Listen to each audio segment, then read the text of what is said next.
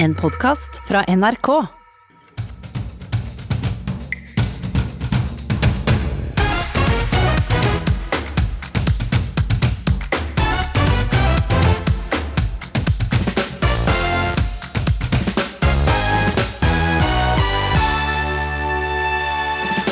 De 50 000 menneskene som ville protestere mot rasisme og politivold, måtte nedskaleres til kun 50.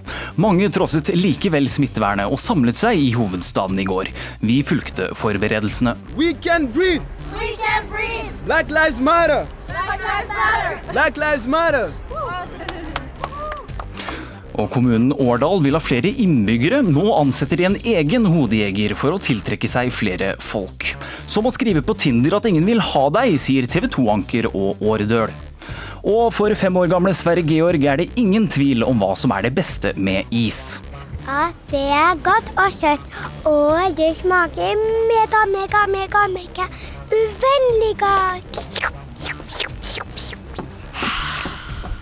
Men er det egentlig greit å gi is til barn, spør tre ernæringseksperter. Eller skal barna leve på havregryn og brokkoli resten av livet? Vi tar isdebatten her i Ukeslutt. Det er lørdag og ukeslutt her i NRK P1 og P2. Mitt navn er Filip Johannesborg. Og senere i sendingen skal du også få høre hvem som egentlig bestemmer i Kjuttavika. Det blir piratstrid, for Dyreparken i Kristiansand har ikke gitt opp håpet om å arrangere Kaptein Sabeltann-forestillinger i sommer. Tusenvis av demonstranter var fredag ettermiddag samlet foran Stortinget i Oslo. I det enorme folkehavet var det paroler og plakater, og budskapet var We can't breathe, altså vi får ikke puste. De demonstrerte mot rasisme etter dødsfallet til George Floyd, som døde etter en politipågripelse i USA for nesten to uker siden. Vår reporter har denne uken fulgt noen av dem som var med på å arrangere demonstrasjonen. We can breathe. We can breathe. Black lives matter. Black lives matter. Enough is enough. Enough is enough. Det er onsdag. Babu fra Arise og Rava fra African Student Association øver på slagordene som de har planlagt å rope utenfor den amerikanske ambassaden på fredag. Eh, Jeg sier uh, I'm black and I'm proud. Uh, jeg sier uh, fight the power. Jeg sier, og jeg skal rope høyt, uh, nok er nok, enough is enough. Enough is enough. Da møtte arrangørene, var planen da at over 15 000 mennesker skulle demonstrere i Oslo. Det for å vise solidaritet med afroamerikaneren som døde i slutten av mai som følge av politiets voldsbruk, og for alle ofre for rasistisk motivert politivold i verden. Vi trodde egentlig ikke at det skulle være så stor engasjement. Eh, Det syns vi er veldig fint, fordi eh, det at også folk ikke er stille, det betyr at også de vil ikke være medvirkende på det som er feil ved samfunnet. Eh, Vi skal markere og vi skal vise solidaritet med våre brødre og søstre i USA. Og samtidig skal, vi egentlig eh, gjøre folk bevisst på at også rasisme eh, er ikke noe som er unikt for bare USA. Vi, vi mener at denne demonstrasjonen eh, er like viktig her eh, som det ville ha vært i USA, som det er i Storbritannia og overalt i verden. Sahar Hassani er leder ved Agenda X, ungdomsavdelinga til Antirasistisk Senter. Hun forteller at rasisme er veldig vanlig i Norge, og at det finnes i ulike deler av samfunnet. Altså I skolen for eksempel, så er det veldig mange unge som opplever identitetsbasert mobbing. Eh, Vi har lærebøker som har en fremmedgjørende oss og de-innhold. Eh, Du har den derre klassiske eh, 'hvor er du egentlig fra?'-spørsmålet. Vi ser også at politiet i Norge utøver etnisk profilering i sitt arbeid. De stopper ungdommer, ofte unge menn, um, og foretar såkalte tilfeldige kontroller av unge fordi de har en bestemt type karakteristikk, som f.eks. mørk hudfarge, uh, som de da assosierer med det å være kriminell. Og på det svarer politimester i Oslo Beate Gangås. Nei, jeg vil påstå at vi ikke gjør det.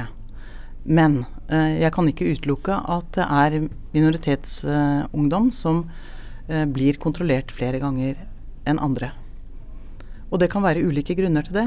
Eh, jeg tror det viktigste er at eh, de skal vite at politiet skal ha en grunn for å, både visitere og ransake og pågripe mennesker. Så jeg vil jo oppfordre de som eh, opplever noe som de ikke forstår, eller noe de mener at er urettferdig eller ubegrunna, at de klager til oss. Også hverdagsrasisme er noe Sofia Rana har opplevd en god del.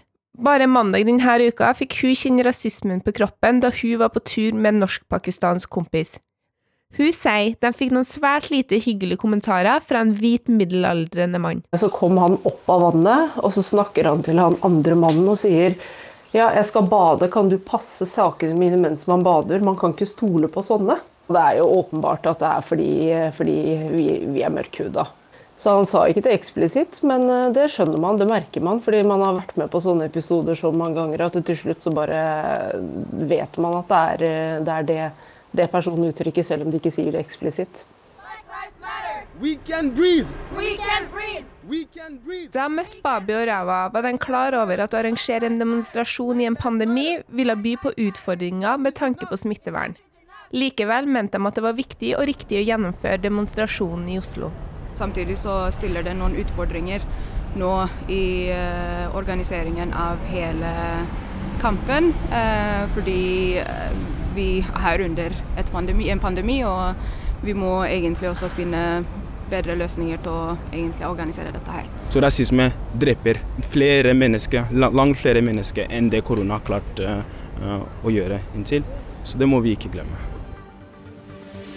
Bare 50 har lov å delta etter koronareglene, men 50 000 har meldt interesse for å demonstrere ved den amerikanske ambassaden i morgen.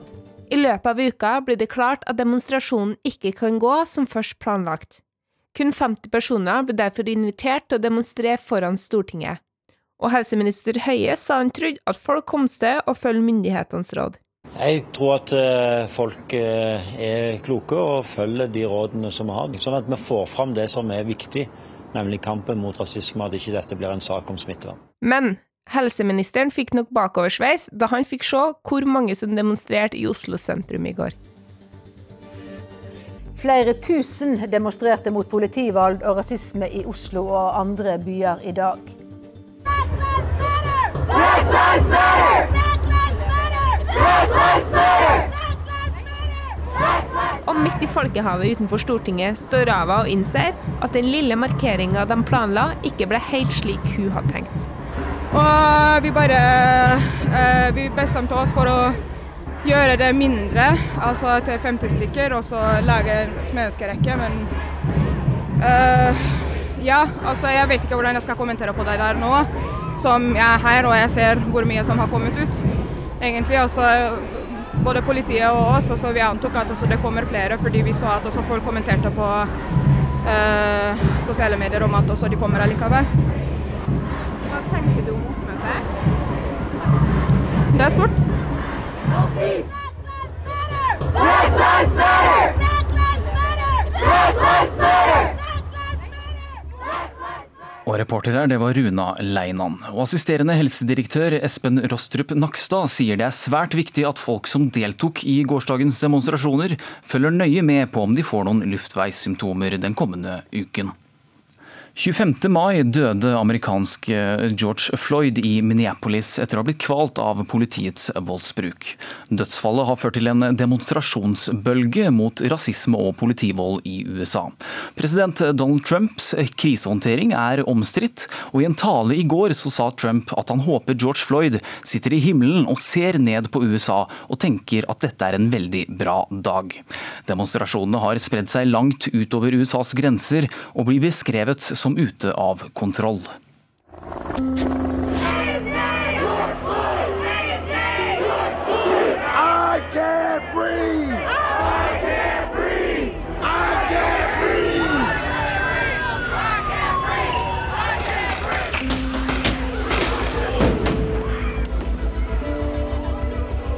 I am your president of law and order and an ally of all peaceful protesters. Ja, vi har med oss eh, USA-korrespondent her i NRK, Veronica Westrin, som for tiden befinner seg i Norge. Hvilke andre faktorer enn Floyds død bidrar til eh, dette kaos og sinnet vi ser i USA akkurat nå? Dette er jo en protest mot politivold og rasisme. Og det er jo ikke første gangen vi ser slike markeringer i USA. Um, svarte jeg har intervjuet, sier jo at de fortsatte tider føler at de ikke er en del av USA. Og det har vært en sånn undersøkelse fra Pew Research som har vist at tre av fire afroamerikanere har opplevd diskriminering der. Men så er det jo også større strukturelle problemer som ligger bak, for dette er jo komplekst. Mange faktorer som spiller inn. og Svarte amerikanere kommer jo dårligere ut på sånn, mange sånn levekårsindikatorer. Da. Eh, for eksempel så er det jo 30 millioner amerikanere som ikke har helseforsikring. Over 550 000 hjemløse. Og afroamerikanere er høyt representert i disse statistikkene. 40% av de hjemløse eh, er afroamerikanere, og de er jo bare 13% av befolkningen. Så kommer jo det her da, på toppen av koronakrisa, der mange har mistet eh, jobbene sine, blitt syke, mistet familiemedlemmer. For også i den statistikken så ser vi da at svarte amerikanere er overrepresentert. Og så må vi huske på at eh, USA er jo en splitta nasjon, både politisk og også i media, som er med på å forsterke den eh, tendensen. Så USA har jo vært en trykkoker lenge nå, og, og det ser vi. Altså vi ser dette raseriet nå som kommer til overflaten. Mm. Vet vi hvem disse demonstrantene er, og i så fall hva deres motivasjon er? Jeg tenker Det er viktig å skille litt. altså De som driver plyndring og hærverk. Nå ser det heldigvis ut som det har blitt færre av dem. Og de som gjennomfører de her fredelige demonstrasjonene. Eh, for Vi har jo sett eksempler både på at eh, ytre høyre og ytre venstre-grupperinger har benyttet eh, denne anledningen til å forsøke å stimulere til mer kaos og vold. Da. Og Trump har f.eks. erklært den antifascistiske bevegelsen Antifa som en terrororganisasjon forrige helg. Men jeg tenker det er viktig å fokusere på budskapet til de fredelige demonstrantene. Eh, det er jo de som utgjør det store flertallet. og eh, jeg snakka med landslagsspissen Ola Kamara, som spiller på DC United. Han har jo sjøl valgt å være med og gå ut i gatene i DC eh, på fredelig vis. Um, han har fortalt meg at han dro for å vise støtte til demonstrantene og avsky mot uh, et system som eh, han sier har eh, forsterka vold, misbruk og raseprofilering. Og han forteller jo sjøl om at han fikk et brutalt møte med USA da han flytta dit i 2016, og at han ble instruert av en lagkamerat eh, i garderoben om hvordan han som mørkhudet skulle oppføre seg da, dersom han ble stoppa av politiet. Og at det for han var snakk om liv eller død, og at rasisme i USA er noe helt annet enn i Norge. Vi har også med oss eh, deg, serieskaper og nerd på amerikansk politikk. Gjermund Eriksen, velkommen til ukeslutt. God dag, god dag, god dag. Du lager podkasten Trump mot verden. Hvordan har USAs president Donald Trump håndtert denne situasjonen? Eh, det starta med at han følte han håndterte det bra og fikk spilt på det han selv mener han er veldig god på, og som man også kan si han er god på, nemlig å splitte og kunne gjøre det som kalles å bruke the Nixon playbook, som han egentlig har hatt lyst til å gjøre hele tiden. Og det er å kopiere noen av de viktigste måtene Nixon ble valgt på i 1968. Hmm. Hvordan fungerer denne strategien, da? Nei, det er jo at du skal eh, I 1968 ble Martin Luther King drept, og det ble også Robert Kennedy. Og så eh, trakk Lyndon Johnson seg og ville ikke stille til valg.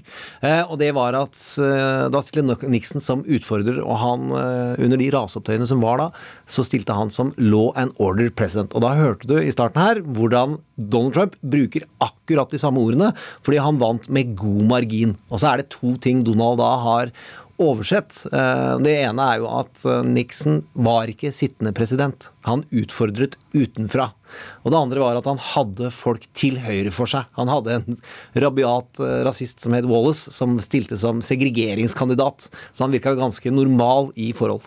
Det kan virke som Donald ikke helt har tenkt på det. Det fungerer ikke helt som planlagt. Hvis man ser på reaksjonene denne uka, så er det jo en forsvarsminister og en chief of staff som tilfører noe sånn cirka som forsvarssjef, som har gått ut og tatt avstand til de grepene han har gjort når han bruker militæret mot egne, eh, egne borgere som demonstrerer på plenen på utsida. Så for å holde en bibel og ta et bilde eh, og kunne vise bekymrede hvite mennesker som bor i forstader og på landet, at eh, han er presidenten for dem, det har ikke de sett maken til. Eh, og tar ut avstand, da. Det er ganske Det har ikke skjedd før, for å si det sånn. Har han på noen som helst måte klart å forene folk i USA? Nei, ikke de siste ukene. Eh, Så har det vært splitting. Eh, Han har prøvd på en NASA-tale. Så begynte han med noen samleord, men selv da, når han egentlig bare skulle hylle at noen hadde sendt opp en rakett, eh, så bruker han det til å snakke ned hvordan det er å bo i disse forstedene, og som ble tatt opp her, kalle det med demonstranter for mobb og verre ting. Det er jo valg til høsten, og president Trump stiller. Ser utsiktene hans gode ut akkurat nå? Kan du si noe om det?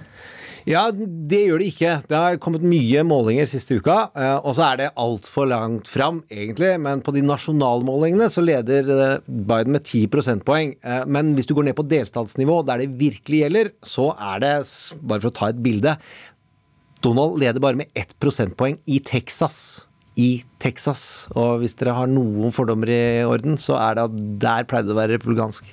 Uh, USA-korrespondent her i NRK, Veronica Westrin. Ser det nå ut til å roe seg i USA, eller kan vi forvente at demonstrasjonene fortsetter utover sommeren? Det blir jo spennende å, å se, eh, men akkurat nå de siste par dagene så har det jo vært eh, roligere. Eh, Og eh, historien har jo vist at man kan få til endringer når man mobiliserer de riktige kreftene. Eh, Så får vi håpe at det foregår på fredelig vis, for det tror jeg den saken tjener på.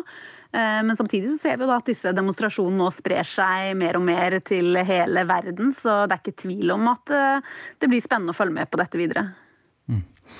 Tusen takk for at eh, dere var med, USA-korrespondent i NRK, eh, Veronica Westrin, og podkastskaper Gjermund Eriksen.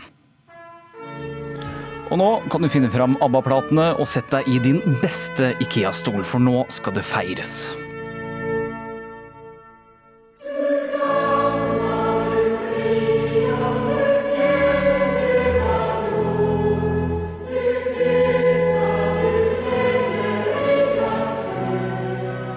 Ja, for i dag er den såkalte svenske flaggans dag, altså Sveriges nasjonaldag. Og vi skal til en velkjent bro hvor brødreparet Ola og Pontus Berglund befinner seg. Til vanlig så bor Ola i Halden, mens Pontus han bor i Strømstad. Og de to eneggede tvillingene har ikke kunnet gi hverandre en klem på lenge.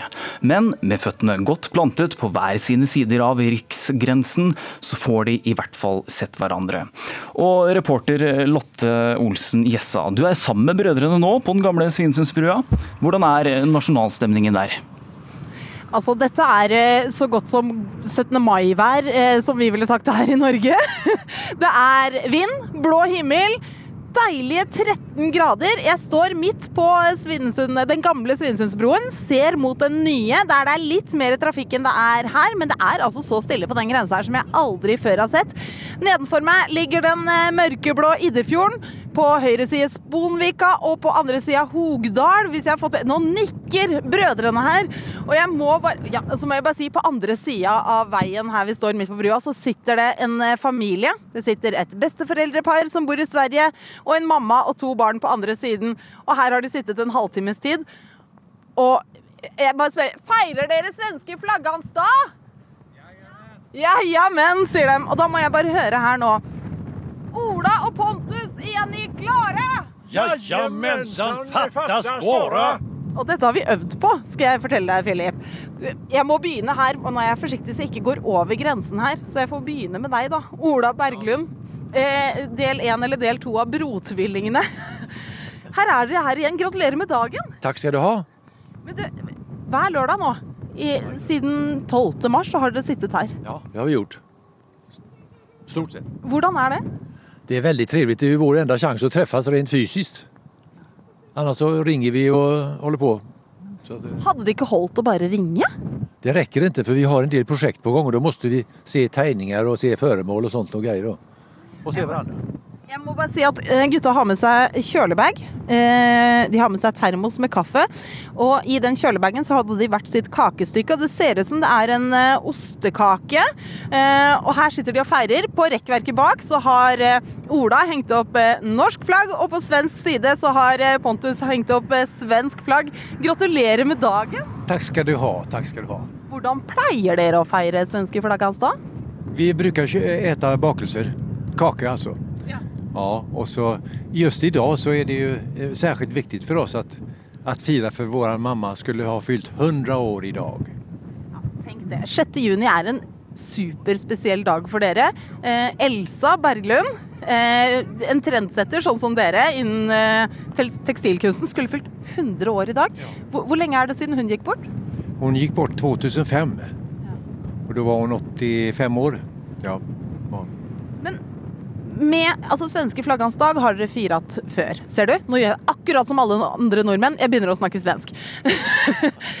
dere har feiret svenske flaggans dag før. Dere har feiret deres mor. Dere har eh, mintes dere mor, eh, deres mor etter dette for 15 år siden. Eller, og, eh, men hva er det som gjør denne dagen ekstra spesiell når vi sitter her vi gjør nå? Det var vel det, det att eh, det är så viktigt med, för svenskarna ha någon dag där man kan enas och eh, känna vad man känner för sitt land. Vi har alltid varit lite avundsjuka på norrmännen med sitt 17 maj och stora uppslutning som ni har där. Vi kanske kommer igång nu med våran nationaldag, för den är inte så gammal. Först hette den svenska flaggans dag och nu heter det nationaldagen.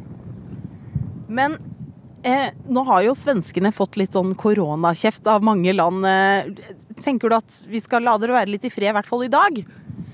Ja, det går väl bra. Ja, då. Men Ola, du nevnte at dere har eh, noen prosjekter på gang. Dere bygger et lysthus i Sverige som du er med og bygger på avstand. Det må jo være den beste måten å jobbe på? Ja, vi inspirerer varandra. Eh, Vi bygger det hos Pontus. Jeg har ikke vært der ennå fysisk, men vi diskuterer metoder og ser på tegninger og sånt Og skaffer material. Så vi jobber med det. Faktisk så inspirerer vi hverandre når vi treffes her på broen hver lördag. Og så må du få lov til å nevne én ting til. For det er en som har 35-årsdag i dag eh, også. Tuva. Ja, det er min dotter Tuva som bor i Sørumsand. Hun fyller 35 år i dag. Det er altså så mange gode grunner til å feire at jeg tror nesten Pontus, Ola, vi må reise oss opp. Eh, og så skal vi gjøre noe som jeg ikke helt eh, vet om jeg har eh, greie på. Eh, men kanskje dere har litt mer greie på det. Skal vi ikke prøve de første strofene i den svenske nasjonalsangen av dere? Det gjør vi. Da kjører vi. Gamla du fria, du fjellhøga nord Du tysta, du gledjerika sköna Jag hälsar dig vänaste landet på jord Din sol, din himmel, dina ängder gröna Wow, tusen takk. Mer høytidelig blir det ikke på grensen mellom Norge og Sverige. Si navnene deres og kjemp aktivt mot rasisme. Snakk om det, men vær så snill ikke del videoer av døde svarte kropper. Disse ordene er hentet fra et innlegg i VG som du har vært med å skrive, Lisa Esoel og Beibar Knutsen. Velkommen til ukeslutt. Tusen takk. Du er rådgiver i tenketanken Minotenk, og reagerer nå på alle bildene som har kommet i kjølvannet av videoen hvor politiet sitter på afroamerikanske George Floyd. Eh, Hvorfor skrev du dette innlegget? Um, ja, eh, jeg reagerte jo veldig sterkt når jeg først så, så alle måte, delingene av videoen. Og det er jo noe som berører veldig personlig, og, og som er veldig sterkt. Eh, samtidig som man får en følelse av at dette er ikke noe Altså, det er ikke normalt å se folk eh, rett og slett dø på video, eller bli drept da, på video. Um, så det er jo noe jeg reagerte på, og som, som um, ja, kanskje, ja, etter en dag så følte jeg at um, dette må jeg virkelig skrive om, da. Mm. Hvordan opplevde du å få videoen av politiet og George Floyd inn i feeden din? Um, det er jo på en måte noe du ikke er forberedt på um, når du går på sosiale medier. Uh, og uh, i det omfanget som det ble delt, så er jo det klart at man ikke kan måte, Da må man gå ut av alle sosiale medier for å unngå det.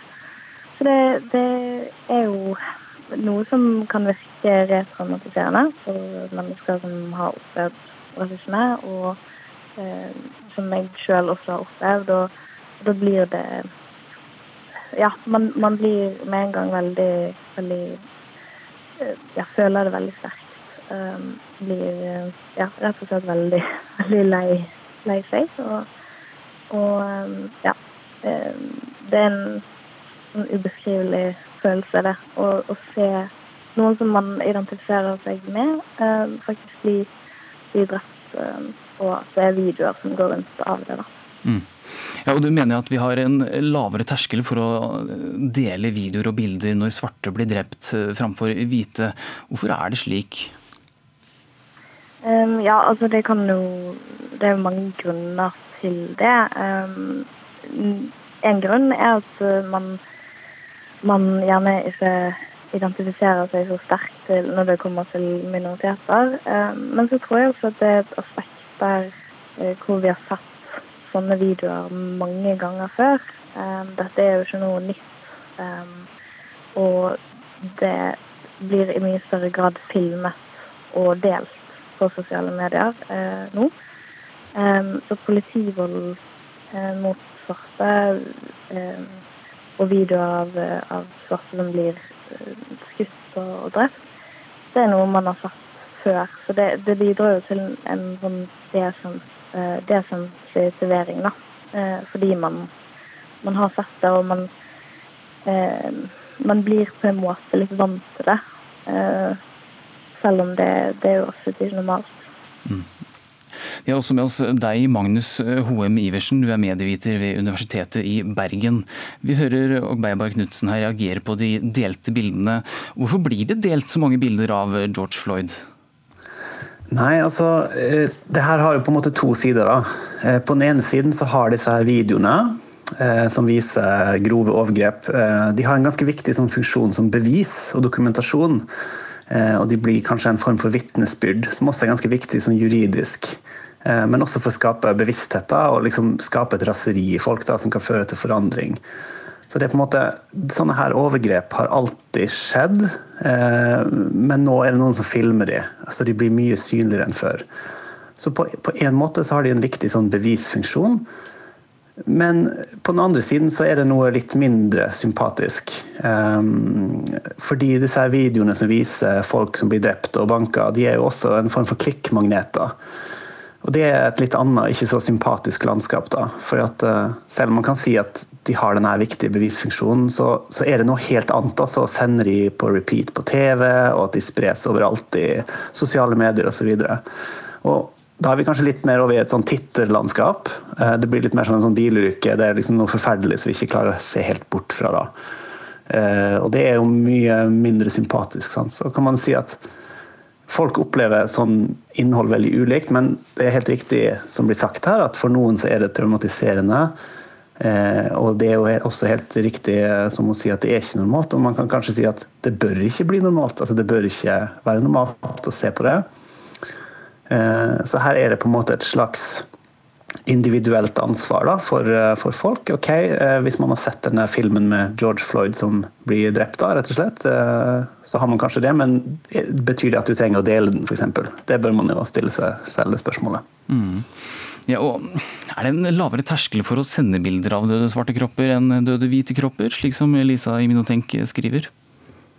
Eh, det har vi ikke noe tall på sånn direkte, men eh, hvis man ser på mediebildet på en måte de uh, siste ukene, så, så, er det vel ikke en, det er ikke en hårreisende påstand det at det er flere videoer av det enn en av andre. Mm. Ja, Denne uken så har det jo også pågått en annen debatt om svarte bilder som er lagt ut på sosiale medier med bl.a. emneknaggen Black Lives Matter. Og Dette er ment for å vise sympati og engasjement, men bruken har også fått kritikk for at dette opptar plass i viktige kanaler for informasjon og oppdateringer. Og Lisa Sol og Beibar Knutsen i Minotenk, du kaller dette en misforstått solidaritet. Hva legger du i det?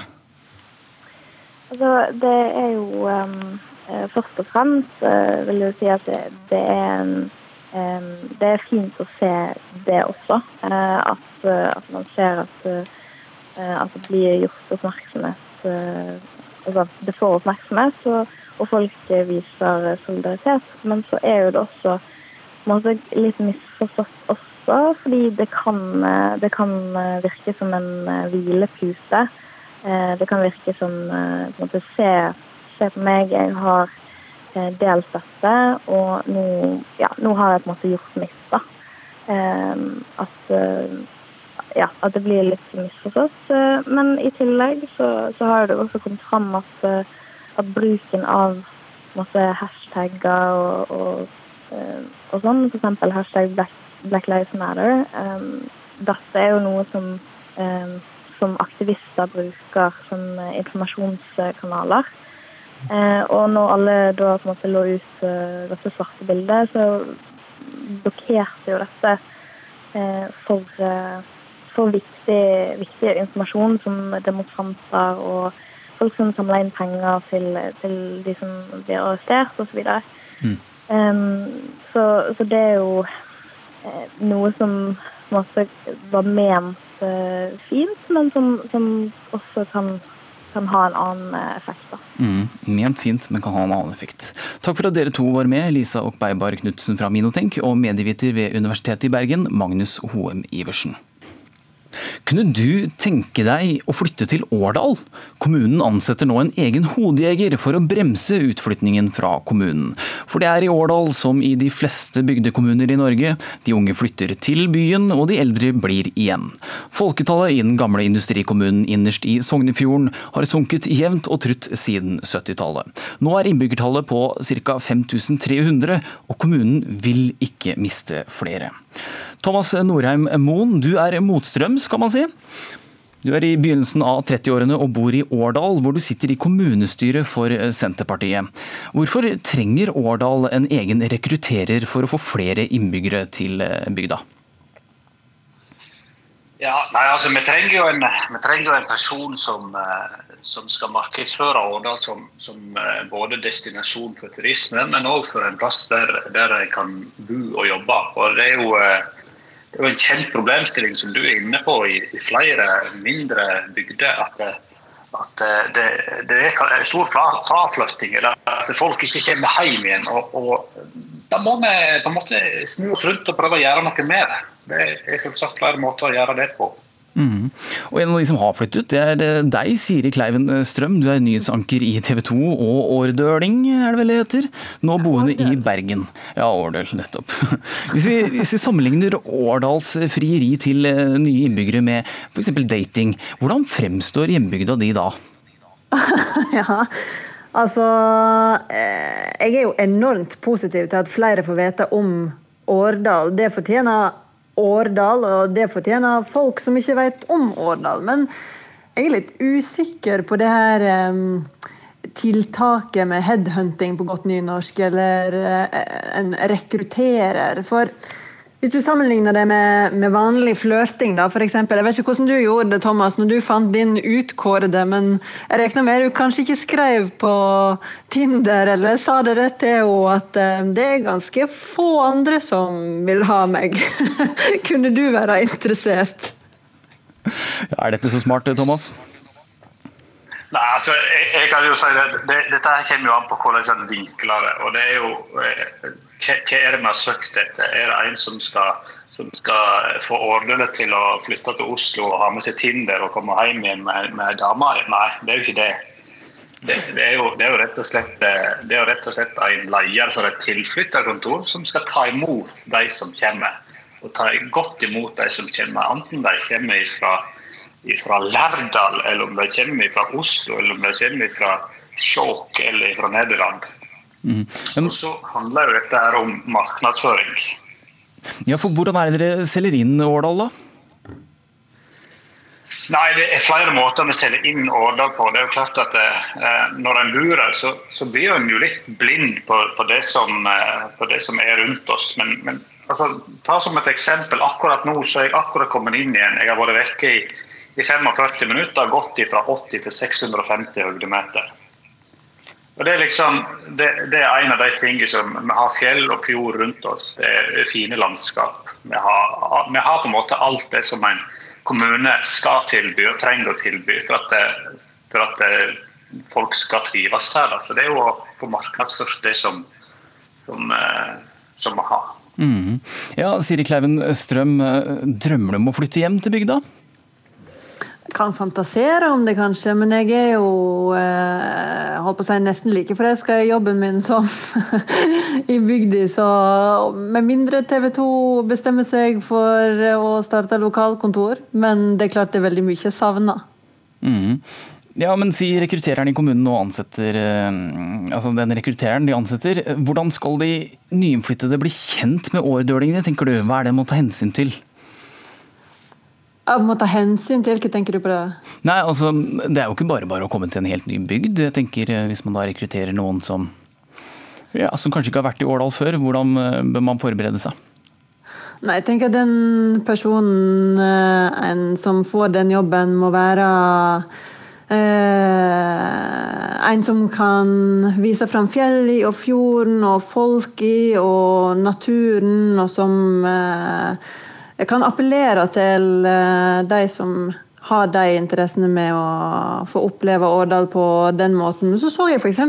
Vang i Valdres hadde en fest for alle som eh, bestemte seg for å flytte til bygda. Og det var kanskje en god idé, for Årdal kan jo være litt sånn som nordmenn flest. Sånn som eh, kanskje ikke er de aller lest, enkleste å bli kjent med. Men det gjelder jo ikke bare Årdal, det gjelder jo nordmenn flest. Så kanskje det kunne være et tiltak at vi kunne herme litt etter Vang.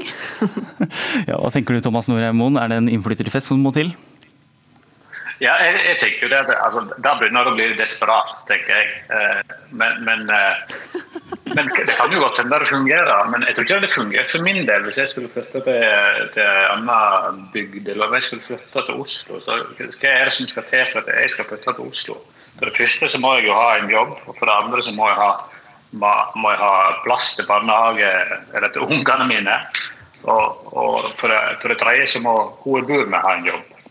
Mm. Og så er det på en måte alt det omkringliggende som, som kommer i andre rekke. Uh, og, og det, er det, som, det er det som på en måte kanskje kan ja, vippe avgjørelsen da om man vil den ene eller den andre veien. Det er jo hva er det som finnes rundt, og hva er det jeg kan gjøre utenfor den arbeidstiden jeg har. Hva kan, gjøre, hva kan jeg gjøre på fritiden? Mm. Ja, Siri Kleivenstrøm, jeg har hørt at det er visse uttrykk og ord man må kunne når en kommer til Åredal. Har du noen av dem på lur? Og får vi håpe at veldig mange gjør det. Men uh, de som besøker Årdal i sommer, får håpe det er mange. Og de som velger å flytte, må vel kanskje først og fremst lære seg uh, hva du er fra Endura. Som uh, Ja, for de som ikke er fra Indre Sogn eller fra Årdal, betyr hvem er du? Og hva du gjør her, da. Som ja hva gjør du på her? Og kanskje vite at uh, øy og et nikk kan bety hei, hvordan har du det, hvordan står det til, og alt i samme setning. Og kanskje vite litt som vi kanskje er litt like med nordlendingene der, at selv om det kommer uh, et banneord på annethvert ord i en setning, så betyr ikke det nødvendigvis at en årdøl er, er sint. så effektive og noe sinte kan man beskrive kanskje årdølinger som? Nei, nei, på ingen måte. Det var det jeg sa. Ikke, ikke sinte.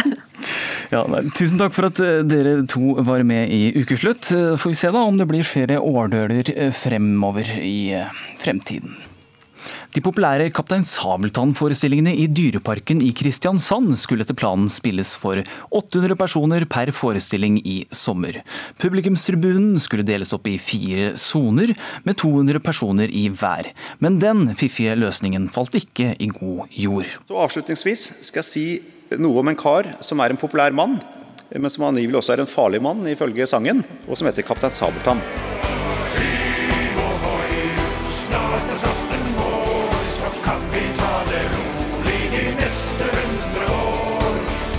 Så vår vurdering er at å dele opp publikum i grupper på 200 det er ikke tilstrekkelig for å forebygge spredning av smitte.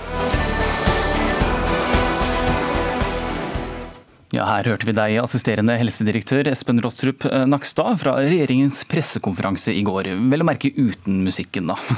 Hvorfor er ikke denne løsningen Dyreparken har kommet opp med en god løsning? La meg først si at Dyreparken har kommet opp med veldig mange gode løsninger nå for hvordan man kan drifte den fornøyelsesparken i sommer med et stort publikum. Og Det er jo nettopp det som har gjort det mulig å åpne for den type fornøyelsesparker, at man jobber godt med smittevern og legger til rette for det. Men så er det da sånn at i Dyreparken så er det da denne forestillingen som er et eget arrangement. og Da faller den inn under reglene for arrangementer. Og Det er hjemlet i da en egen forskrift, den såkalte koronaforskriften. da. Og, og Det er da det er, kommer en del praktiske problemer. fordi Den forskriften er ganske streng, og det er bevisst. Og Den setter en grense per i dag for 50 deltakere på et arrangement med minste meter avstand. Og så mm, har regjeringen signalisert at fra 15.6, hvis smittesituasjonen er under kontroll, så kan det øke til 200. Men den forskriften gir ikke eh, noen muligheter for unntak, og heller ikke for bruk av det vi kaller kohorter, altså splitte opp i, grupper. Eh, sånn at vi må forholde oss til den forskriften sånn som den er i dag. Eh, men dette er jo også viktig å si at dette er jo en, det er en gradvis plan i Norge for å myke opp. Og Dette går stegvis, og nå, hvis det nå går fra 50 til 200, så er det første skritt. Hvordan dette blir på sikt, er det ingen som vet, men, men, men vi må forholde oss til det som gjelder i dag. Mm. Og Administrerende direktør i Dyreparken, Per Arnstein Aamodt, hvordan var det å få denne beskjeden i går? Nei, det var jo ganske krevende å, å, høre det. og Først og fremst fordi at vi har jo jobba for denne løsninga lenge. Og vi har jo hatt uh, tro på at dette er mulig å gjennomføre. Og det skapte jo selvfølgelig ganske mye usikkerhet for uh, alle de som har kjøpt billett, og alle de som jobber med og i forestillinga. Så, så, det var jo sånn sett ikke så veldig god beskjed for oss å, å få i går, da. Mm. Ja, dere har jo allerede solgt 30 000 billetter til eh, forestillingene. Kan du si litt om hva som var bakgrunnen for den løsningen dere endte opp med? Ja, det kan jeg. Vi eh, hadde jo før 12. Eh, mars eh, så hadde vi jo solgt 20 000 billetter allerede. Og vi begynte jo da å diskutere ganske raskt og si er det noen mulighet for å gjennomføre dette på en trygg måte. Og lagde oss sjøl en del scenarioer. Og så var det jo ute i mai, når det da kom opplettet med dette med størrelse på arrangementer osv., så, videre, så sa vi ok, da prøver vi å jobbe for en løsning for å se om dette er mulig å få til. Og Det gjorde vi i eh, samråd med kommuneoverlegen i Kristiansand, Dagfinn Haarr. Eh, og eh, han utfordra løsninga vår i et par runder, og vi gikk tilbake og flikka litt på det på nytt. Og så kom vi da opp med denne løsninga. Og det er jo da en løsning hvor vi sier at vi har fire forskjellige separate arrangementer, hvor du helt fra du kjøper billetten din, får tildelt en egen sone for parkering og for innpassering, og i amfiet. Og disse sonene er jo skilt da helt fysisk, sånn at det ikke er mulig å bevege seg mellom eh, sonene. Og det er egne toaletter i hver sone, det er egen utgang, egen inngang. Og man krysser ikke de andre sonene. Så uh, vi, vi, gjorde det, og fikk det smittefaglig vurdert da ved kommuneoverlegen. Og så har vi også gjort en, uh, fått det juridisk vurdert av advokatfirmaet Wiersholm, som, som, jo også mener at dette skal være innafor, da. Ja, Nakstad, det høres jo ganske vanntett ut, dette her. Holder ikke dette? Altså, den tekniske løsningen har man jobbet eh, godt med, og man har nok også sett litt på det som er eh, kommunisert rundt f.eks. kinoer, hvor du kan ha 50 eh, stykker i hver kinosal, og for så vidt konferansehoteller hvor du kan ha ulike arrangementer med 50 deltakere i ulike deler av et konferansesenter. Men det som er problemet her, er rett og slett at alt dette er knyttet opp til ett arrangement. Altså, Det er forskjellige kinoforestillinger, det er definert som forskjellige arrangementer. Og, og dette er en forestilling med én scene. På en måte Det er én forestilling du løser billett til. Så det er regnet som ett arrangement juridisk og i koronaforskriften. Og Det er det som på en måte er skranken med dette. At, eh, at eh, forskriften er som den er. Det er ikke noe rom for unntak og kohortbruk på et arrangement. Eh, men som sagt, denne vil bli endret da 15.6, eh, hvor man i hvert fall sannsynligvis da eh, vil havne på 200. Men det er fortsatt sånn at vi må forholde oss til den forskriften så den er vedtatt politisk. Mm. Ja, og mot, I VG så kunne vi jo lese at andre lot seg inspirere av deres modell, bl.a. Norges Fotballforbund. De kaller den Sabeltann-versjonen. Hvor overrasket ble du da du da fikk dette budskapet om at det ikke var helt etter reglementet? Nei, jeg ble egentlig ikke så veldig overraska nettopp av den grunnen du sier. fordi jeg forstår jo veldig godt at direktoratet eh, ikke kan gi eh, unntak eller eh, gjøre enkeltvedtak på, på et sånt tiltak som hos oss.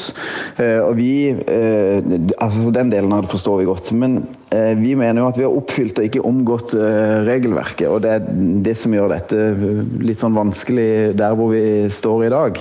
Men jeg har lyst til å si det òg, at det er klart at Nakstad sier en ting her som er viktig å presisere, og det er jo dette med at vi er jo innforstått med at dette gjelder sånn som regelverket er i dag, eh, for 50 personer. Eh, Så vi har jo tatt en risiko for egen regning på å si at regjeringa gjør sånn som vi håper de gjør, og åpner opp for 200 etter 15.6. Så det, det er vi selvfølgelig helt eh, innforstått med. Men det er jo også, Nakstad var jo eh, selv inne på det her, at eh, i, på regjeringen.no, under spørsmål og svar på koronasituasjonen, så, så står det jo en, en slags sånn Q&A da, hvor, det, hvor, det, hvor spørsmålet er stilt er det lov med ulike arrangementer i flere lokaler samtidig. Og da har jo vi operert som om vi var en kino som viste samme forestilling i fire forskjellige saler. Eh, og når man attpåtil er utendørs og man fysisk ikke kommer i kontakt med hverandre, så uh, mener vi at det bør kunne anses som fire arrangementer, ikke ett arrangement. Ja, Nakstad, hva er det dere gjør nå? Nei, jeg, jeg forstår godt uh, den logiske tenkningen det som nå blir sagt. Uh, og, men uh, det er fortsatt sånn at vi jobber jo kontinuerlig, vi og Folkehelseinstituttet og mange andre gir innspill til hvordan ting på en forsvarlig måte kan mykes opp gradvis og kontrollert i denne koronapandemien. Men vi må også forholde oss til de forskriftene som er, er vedtatt med hjemmel i smittevernloven av Helse- og omsorgsdepartementet. Og, og, vi tenker at vi måtte ute i går og presisere at det er sånn forskriften er. Og selv om den gir rom for å ha separate arrangementer i et konferansesenter eller en kiosal, så, så, faller det inn under nemlig det hovedpoenget at det er ett arrangement. Mm. Og, Det er sånn det er nå. Og så, og så, får vi se hvordan dette utvikler seg over tid. Men, men, vi må forholde oss til det som gjelder i dag. Mm, men vi så jo i går denne store folkemassen i Oslo sentrum. Det ble jo ikke akkurat utdelt noen sanksjoner der. Vil det være mer av det i fremtiden? Si, det er på en måte en litt egen problemstilling og egen sak, det som skjedde i går. Det er klart, det er like uheldig sånn smittevernmessig. Det som er liksom hovedpoenget her, er at hvis man ansamler mange mennesker på samme sted, så vil de også på en måte måtte håper å si, ta den samme T-banen, bussen eller bevege seg før de går inn på det stedet. Så vil måte det være mange mennesker samlet før og etter også. Så det er noe med det at jo flere mennesker som er på samme sted, jo større er smitterisikoen hvis én eller to av dem faktisk er syke. Og det er det vi hele tiden må tenke på. Mm. Takk for at dere to var med. Det er på tide å kaste loss. Takk til deg, assisterende helsedirektør Espen Rostrup Nakstad, og administrerende direktør i Dyreparken, Per Arnstein Aamodt. Du skal få sukkertøy, og du skal få lade. Nei, så tjukk du har blitt. Ja, du har pinadø lagt på deg, gitt. Jeg trodde englene fanns bara, bara i himmelen. Og en i den gamle folkeparken sitter Kalle med sin fiolin. Ja, for dansebandtilhengere kom det som et lite sjokk at sanger som 'Nei, så tjukk du har blitt' og 'Jeg trodde englerne fanns' og 'Kalle med fela' ikke lenger skulle synges fra scenen med Tore Halvorsens velkjente røst under fremtidens Olivars-konserter. Men nå, Tore Halvorsen, så solodebuterer du som 70-åring og kom med en egen plate som da har fått navnet 'Godt å se deg igjen'. Hvordan har det vært å lage en plate uten dansebandet Olivars? Jeg syns det har vært moro, for at uh, da har jeg fått plukka fram låter som jeg sjøl er veldig glad i. Og det er jo det jeg har drømt om i alle år. Jeg tenkte skal jeg lage en soloplate som jeg gjør det nå mens jeg er ung?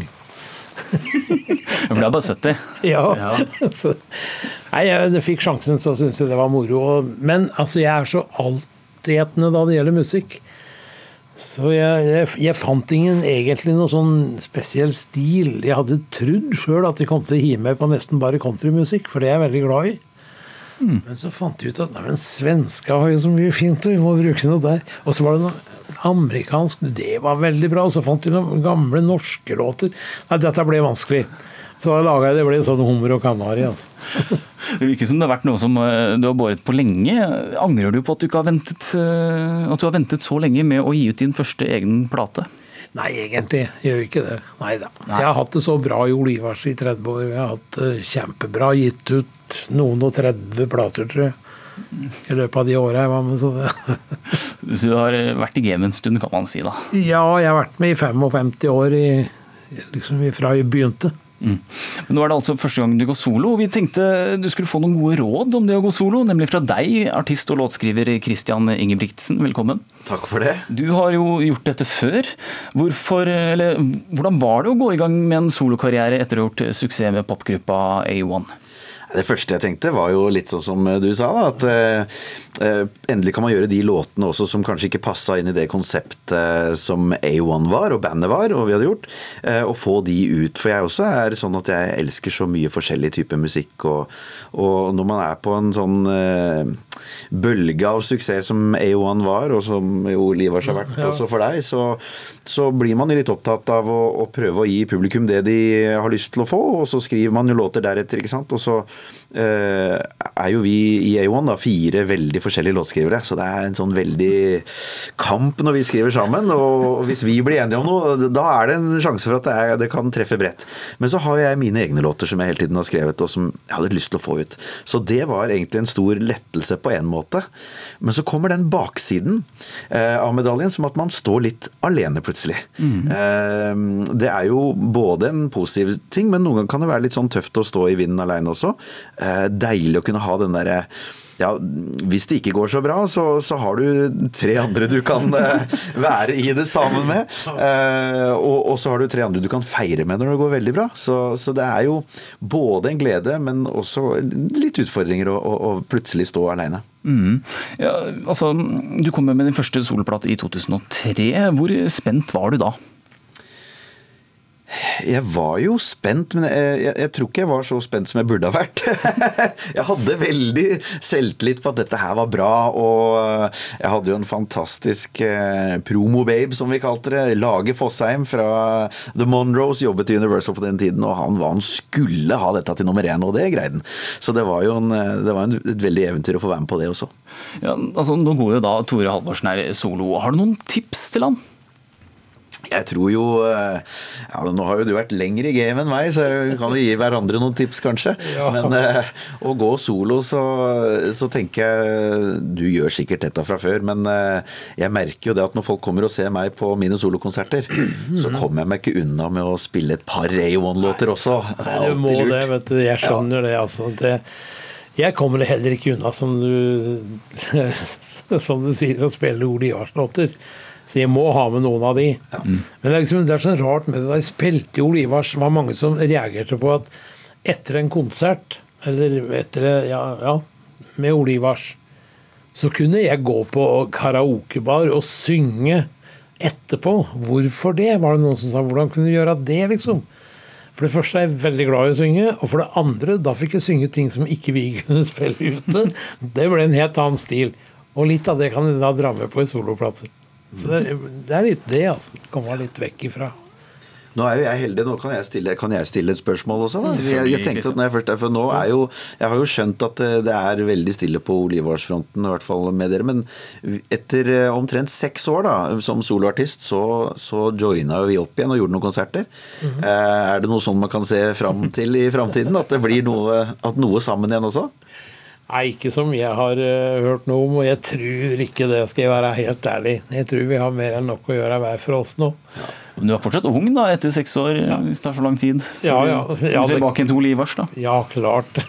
Vi hadde jo veldig heldig med A1, fordi at jeg også trengte det samme som deg, at dette kommer aldri til å skje. Plutselig så skjedde det, og nå, er det jo, nå feirer vi 21-årsjubileum i år, så vi har holdt på en stund vi også. Eh, nå faktisk 21. juni. Og, så vi var jo egentlig på turné. Vi hadde jo 35 konserter i Storbritannia nå. Vi fikk gjennomført 22 av dem før, vi måtte, før jeg måtte hjem til Norge og vi måtte kansellere. Men eh, plutselig kan det blåse opp igjen. Ja, nei, altså Det kunne jo vært moro hvis en kunne plukke ut en 15-20 låter av det ypperste som han har gjort gjennom tida, liksom. Og så laga en konsert ut av det. Og virkelig øvd inn og fått det til å sitte som en kule og fått en uh, impresario til å gå på og selge det. Så garantert suksess. Det går an å gjøre begge deler. Altså jeg gjør jo, I fjor gjorde jeg sikkert en 50-60 konserter med A1, og omtrent like mange som soloartist. Så det går an å gjøre begge deler. Ja, det gjør det. Ja. For nå kan jo du spe på med både gamle Ole Ivars-låter og nye låter. Jeg satt og hørte litt på plata di i går, Tor Halvorsen. Og jeg må jo si at det virker som om dansebandsjangeren er tonet litt ned. La oss høre litt. Look at me. I'm as helpless as a kitten up a tree. Hver gang sola titter fram, synger jeg en liten enkel sang. Even when we are oceans apart, For each and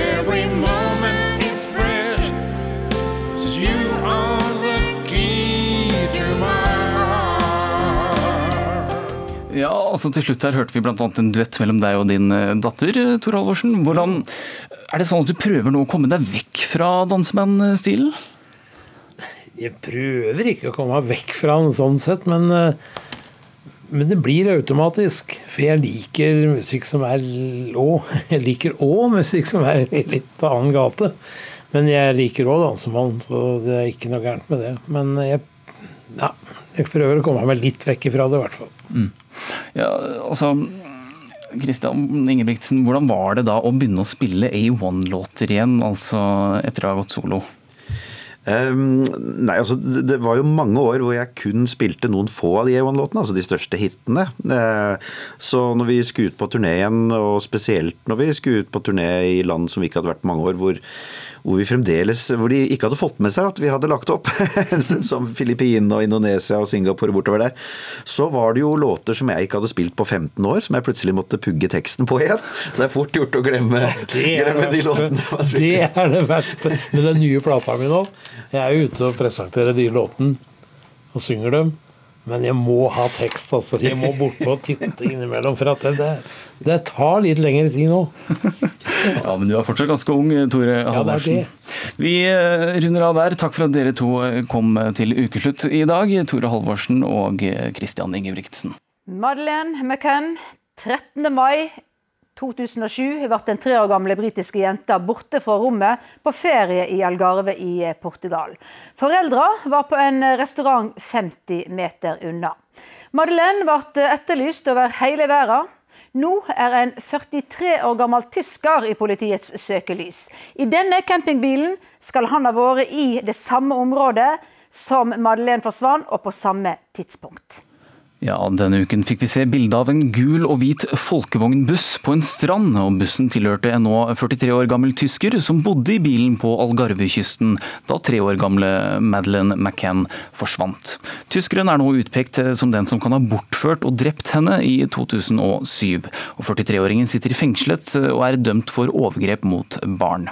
Jørn Lier Horst, du er krimforfatter og tidligere var du etterforsker og etterforskningsleder i politiet. Velkommen til ukeslutt.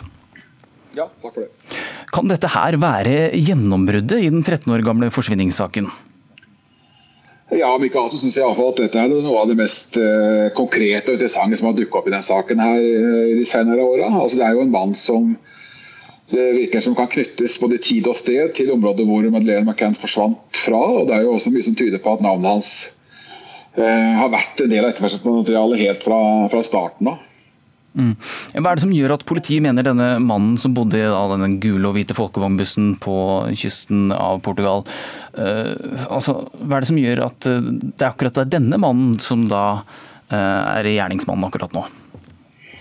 Ja, Han var jo kanskje ikke interessant for etterforskerne den gangen. Antagelig bare et navn på en person som befant seg helt i randsonen av av saken. Men det er alltid interessant sånne saker som dette å se på det i et slags retroperspektiv. Hva mennesker som den gangen uh, virka uskyldig, hva de har gjort i ettertid, og som kan uh, gjøre at du kan se på dem som moduskandidater. Han har jo, sånn som jeg har skjønt, dømt for flere overgrep. sitter vel nå og soner narkotikadom. Men han er jo åpenbar eh, moduskandidat som eh, har vært i området eh, på det aktuelle tidspunktet. Mm. For Mange stusser kanskje over at politiet ikke har funnet ham før. Har de oversett ham? Ja, eh, han er jo åpenbart en som eh, si, har gått, eh, ikke blitt fanga opp av det gråmaska nettet som en sånn etterforskning gjerne er. Gått under radaren. Og Det er ikke så rart, kanskje, fordi at han trenger jo ikke å ha vært et kjent mann for uh, portugisisk uh, politi. Og så er det først altså i ettertid at det dukker opp opplysninger som kanskje gjør han mer interessant. At man ser på han med nye øyne. Men om han har glippet, så er jo det så er jo det en stor tabbe, altså. Virkelig. Ja, for Politiet ber jo om hjelp fra vitner nå. og Han har altså ikke innrømt at han har bortført og drept eh, Madeleine McCann. Eh, hva skal til for at denne saken kan regnes som oppklart? Ja, uten hans eh, tilståelse, eller til og med med hans tilståelse, så er man jo avhengig av at den også innebærer en forklaring om hvor han eh, har gjort av henne, hvor man kan finne levningene. Men jeg syns det er helt riktig det politiet gjør nå, med å gå ut med bilder av ikke bare bilene han brukte på den tida, men også interiør og sted hvor han bodde. Eh, det gjør at mennesker som befant seg rundt ham, kan eh, kjenne det igjen. Og, eh, kanskje kan eh, legge to og to sammen. Kanskje mennesker som lenge har ant noe og tenkt noe, gjort seg sine egne tanker, men ikke tatt kontakt med politiet. Altså 13 år er jo lenge å bære på en hemmelighet. Da. Det er jo grunn til å tro at han har gjort ting som kan, eller sagt ting som kan settes i sammenheng med dette her. Og, eh, og eh, at de som kjenner han kan stå, eller også ofre for den saks skyld, kan ta eh, kontakt med politiet fortelle fortelle hva måte å bære rundt på. Ja, 13 år er jo en ganske lang tid. Har du tro på at saken nå endelig blir løst? Ja, det gjenstår jo å se. Det kan godt hende at dette her ender opp med at man får det man kaller en polisiær oppklaring. altså Dvs. Si at politiet nok eh, mener å ha kommet fram til rette gjerningsmann, men at man eh, står igjen uten tilstrekkelig bevis til, til å ta ut en eh, tiltale. Så uten at eh, dette her fører til funn av så eh, blir jo mange spørsmål uansett stående ubesvart. Mm, mange ubesvarte spørsmål. Tusen takk for at du var med oss, Jørn Lier Horst, krimforfatter og tidligere etterforskningsleder i politiet. Og nå skal det handle om is her i ukeslutt. For se for deg en varm sommerdag. Du og familien er ute på tur, og plutselig får du øye på en iskiosk. Du har kanskje selv lyst på en is, men da blir det kanskje litt feil å ikke gi is til eh, treåringen din? Er det da greit å gi is til barn? Mette Nygaard Havre. Ja, jeg syns det er helt greit. Og Maja Skogstad? Nei, ikke ut ifra den mengden og den typen is som vi gir. Vi tar straks ispraten her i ukeslutt, men først blir vi med Vidar Sem, reporter her, til en barnehage hvor han har møtt tre barn. Er dere glad i is? Ja! Jeg heter Lars og jeg er fem år. Jeg heter Sverre George og er fem år. Jeg heter Hulde som er fire år. Hvorfor er dere glad i is? Fordi det er søtt og godt. Også fordi det smaker veldig godt. Kjempegodt. Hvor mange is har du spist, da? Eh, 100?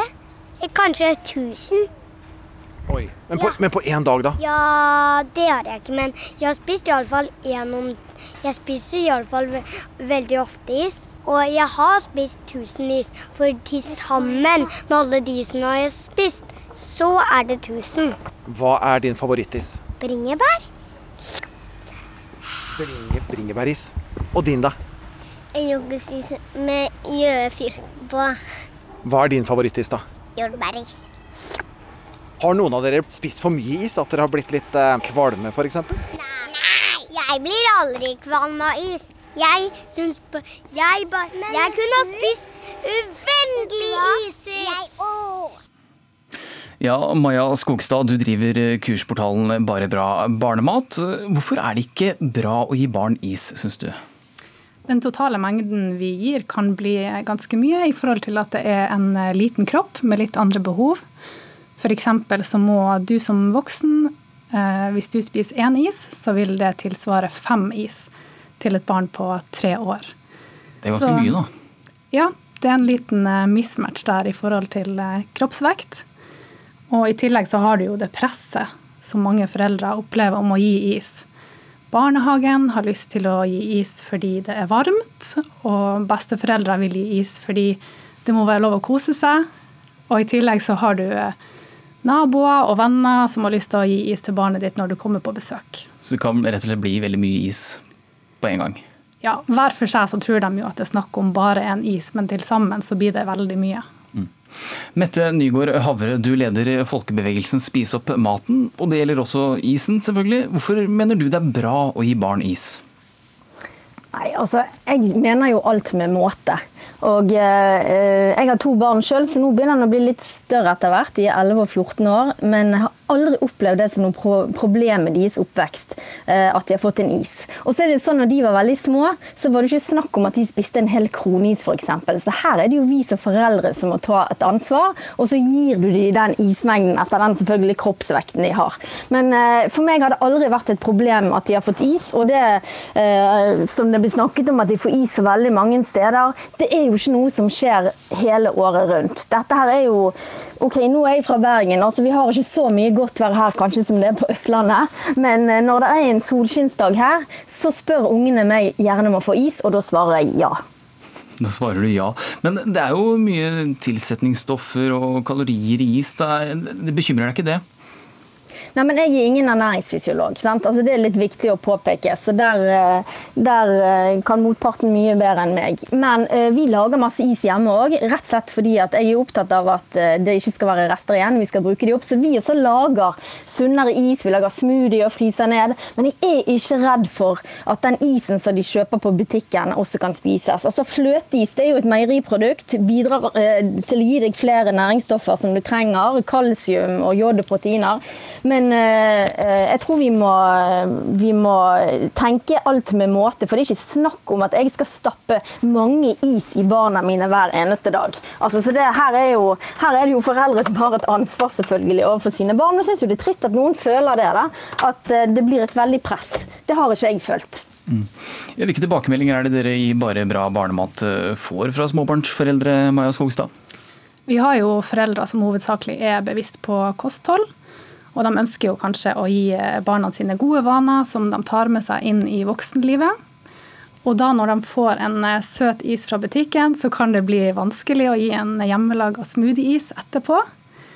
Og da kan det være en utfordring når eh, venner og familie kommer og skal faktisk snike til en liten is, gi bak ryggen. Og det er mange som gir også faktisk selv om foreldrene sier nei. Så man blir direkte overkjørt, er det mange som forteller oss. Så det er et slags ispress der ute, tenker du? Det er absolutt det. Og um, det var jo en mamma som hadde en baby på åtte måneder, som eh, fikk forespørsel om is på 17. mai, da selvfølgelig. Hun takka pent nei, og da fikk hun til svar at skal den ungen få bare brokkoli og havregryn resten av livet? Ja, Mette Nygaard Havre, hva tenker du om brokkoli og havregryn resten av livet?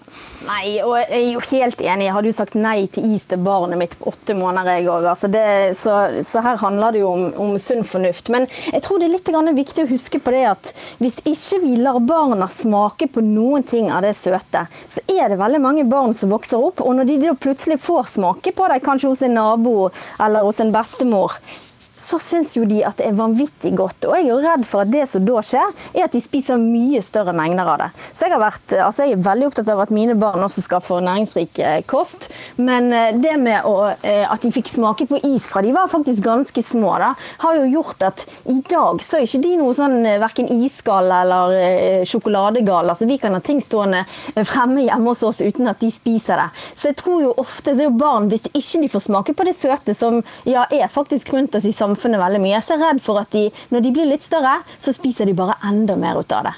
Ja, Hva tenker du om det, Maja Skogstad?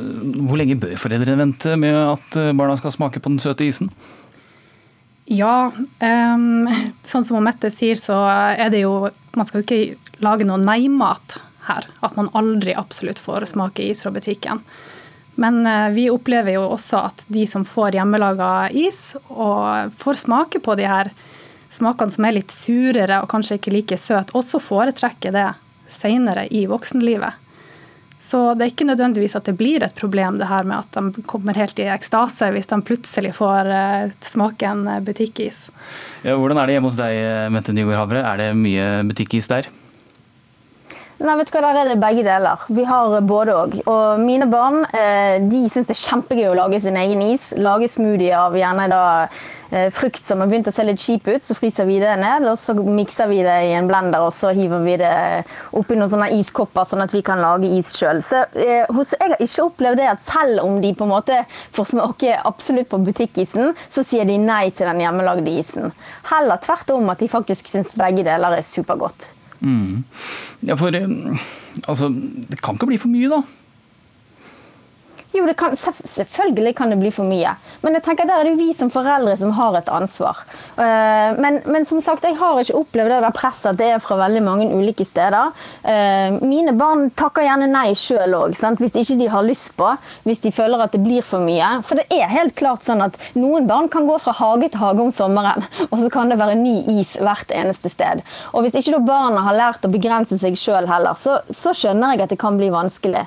Men her tror jeg det vi som foreldre igjen som har et lite oppdrag å gjøre med å lære barna det her med alt med måte når de vokser opp. For jeg syns det er viktig at de får smake på det eh, og se hva de syns. Altså, jeg har jo selv en sønn for eksempel, som ikke drikker brus, og det er jo helt stråle. Han liker det ikke, så da velger han heller noe annet uh, isteden.